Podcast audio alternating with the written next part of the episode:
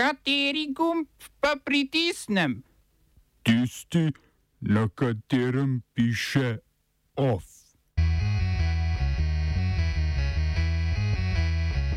Neuspel poskus samomora obtožene genocida ob puču v Boliviji Žanin Anjes. Stavka železničarjev v Nemčiji. Demonstracije proti ustoličenju metropolita Joannikija v Črni Gori. Protestni pohod v Brkinih proti zajezitvi suhorce in padeža.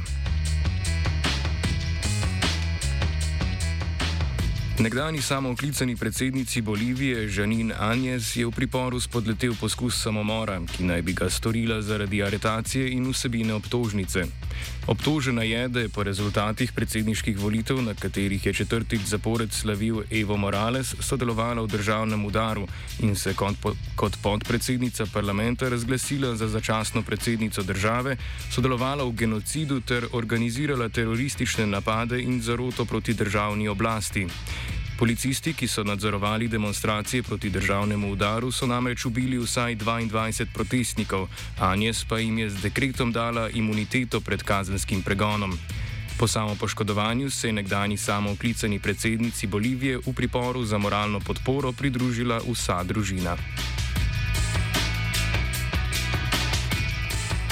Švedski predsednik vlade iz vrst socialnih demokratov Stefan Löfven je na strankarskem shodu napovedal odstop z mesta predsednika stranke in s tem tudi z premijejskega položaja. Löfvena je švedski parlament sicer julija ponovno izbral za predsednika vlade, potem ko so mu poslanci izglasovali nezaupnico, a niso našli boljšega kandidata, ki bi ga zamenjal. Švedsko vlado je vodil sedem let, socialdemokratsko stranko pa od leta 2012.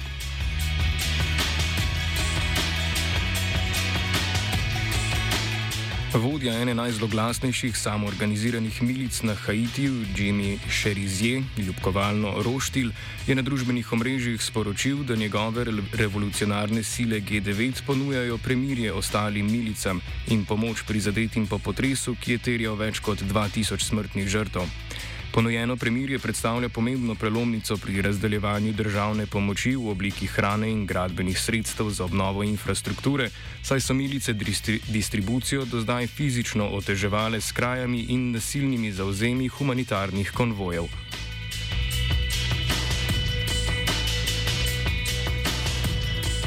Korupcijsko sodišče v Džakarti je nekdanjega indonezijskega ministra za socialne zadeve Julijarja Buro, aretiranega decembra lani, obsodilo na 12 let zapora in skoraj 900 tisoč evrov finančne kazni. Batubara je namreč na ministerskem položaju prejel slaba 2 milijona evrov podkupnine od dveh ponudnikov, ki jima je priskrbel razpisna sredstva, namenjena izvajanju socialne pomoči med epidemijo COVID-19, predvsem v obliki prehranskih paketov. Po prestani in izplačani kazni bo Batubari javne funkcije prepovedano upravljati še vsaj štiri leta.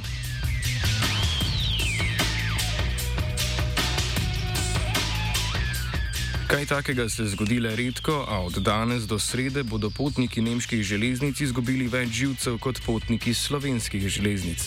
Nemški sindikat železničarjev je dvodnevno stavko, ki se je začela v petek in prizadela predvsem tovorni promet, podaljšal za dodatna dva dneva in jo razširil še na potniški promet. Stavkajoči od delodajalca Deutsche Bahn zahtevajo povišanje plač za 3,2 odstotka, krizni dodatek za delo med epidemijo v višini 600 evrov in boljše delovne pogoje. Deutsche Bahn je sicer v pogajanjih nepopustljiv in pristaja na postopno dvigovanje plač, kar zaposlenih ni zadovoljilo, kapljo čez rob pa je prelila ponudba, da bi se o dodatku zaradi epidemije še malo pogajali. Ocena finančnih posledic druge letošnje stavke železničarjev še ni možna. V železniški družbi pa predvidevajo, da bo omogočenih vsaj 40 odstotkov prometnih povezav.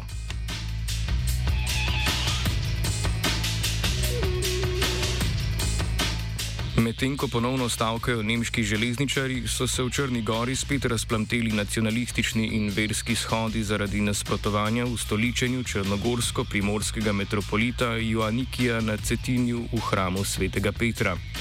Več kot tisoč demonstrantov na Cetinju, shodi sicer potekajo tudi v manjših naseljih, se je pri prepevanju črnogorskih nacionalističnih pesmi, vihranju s črnogorskimi zastavami in novo nastalem pozdravljanju z dvema prstoma pridružil tudi metropolit Črnogorske pravoslavne cerkve Mihajlo, ki vodi proces njene osamosvojitve in avtonomizacije.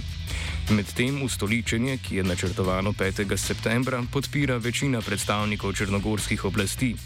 Na demonstracijah se je edini incident zgodil takrat, ko je skupina protestnikov novinarski ekipi TV Vesti poskušala preprečiti poročanje o dogajanju na črnogorskih ulicah. Oba, če, če bom odgovoril na angliški. Slovenija will try to help. We can Slovenija will and we will do our utmost To say that the situation is our problem ourselves. and uh, We will make further steps as soon as the conditions are bomo vlado Marjana Cererja, Mira, Marjana Cererja Šarca podprli. uh, very, very serious. we know how and we will. Novi generalni direktor Radio Televizije Slovenija Andrej Grah Vatmu je po pričakovanjih sam razrešil direktorico Televizije Slovenija Natalijo Gorščak, saj mu to ob ne nesklepčnosti seje programskega sveta omogoča zakonodaja.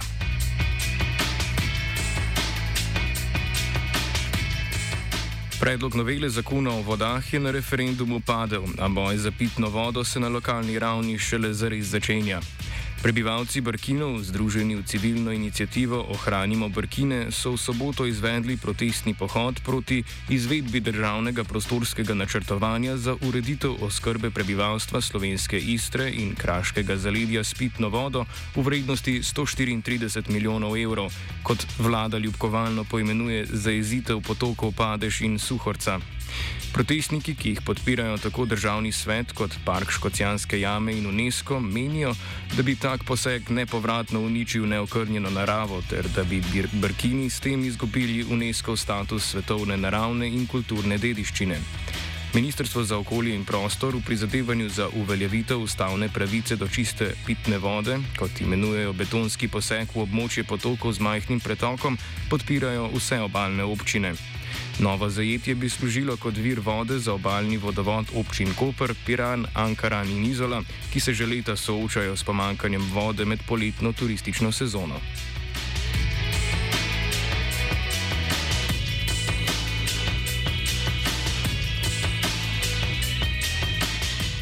Na današnji Evropski dan vseh totalitarizmov, ki so vsi isti, saj se končajo na izem, se je najbolj slovenski predsednik vlade Janez Janša spomnil na vse žrtve vseh totalitarizmov, ki so utrpele verbalne napade v koči na Krederici pod Sveto Goro pravih slovencev.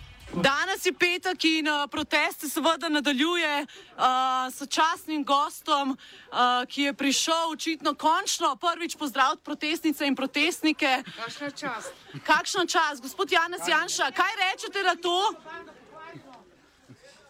Kaj rečete na to, da ljudstvo že 70 tednov protestira, da ste na referendumu izgubili tok, kot še nobena druga stranka ni izgubila, da je ljudstvo dalo jasno nezaupnico vladi in vi tega še vedno nočete slišati? Poslušamo, kako je bila recimo Srebrenica največji eh, eh, množični zločin po drugi svetovni vojni na ozemlju bivše Jugoslavije, kar seveda ni res. Ne. Srebrenica je bila velik zločin, ampak število pobitih tam je v primerjavi z pol milijona ljudi, ki so bili pobiti eh, v Jugoslaviji po drugi svetovni vojni, bistveno manjše. Ne. Of je pripravil Virent.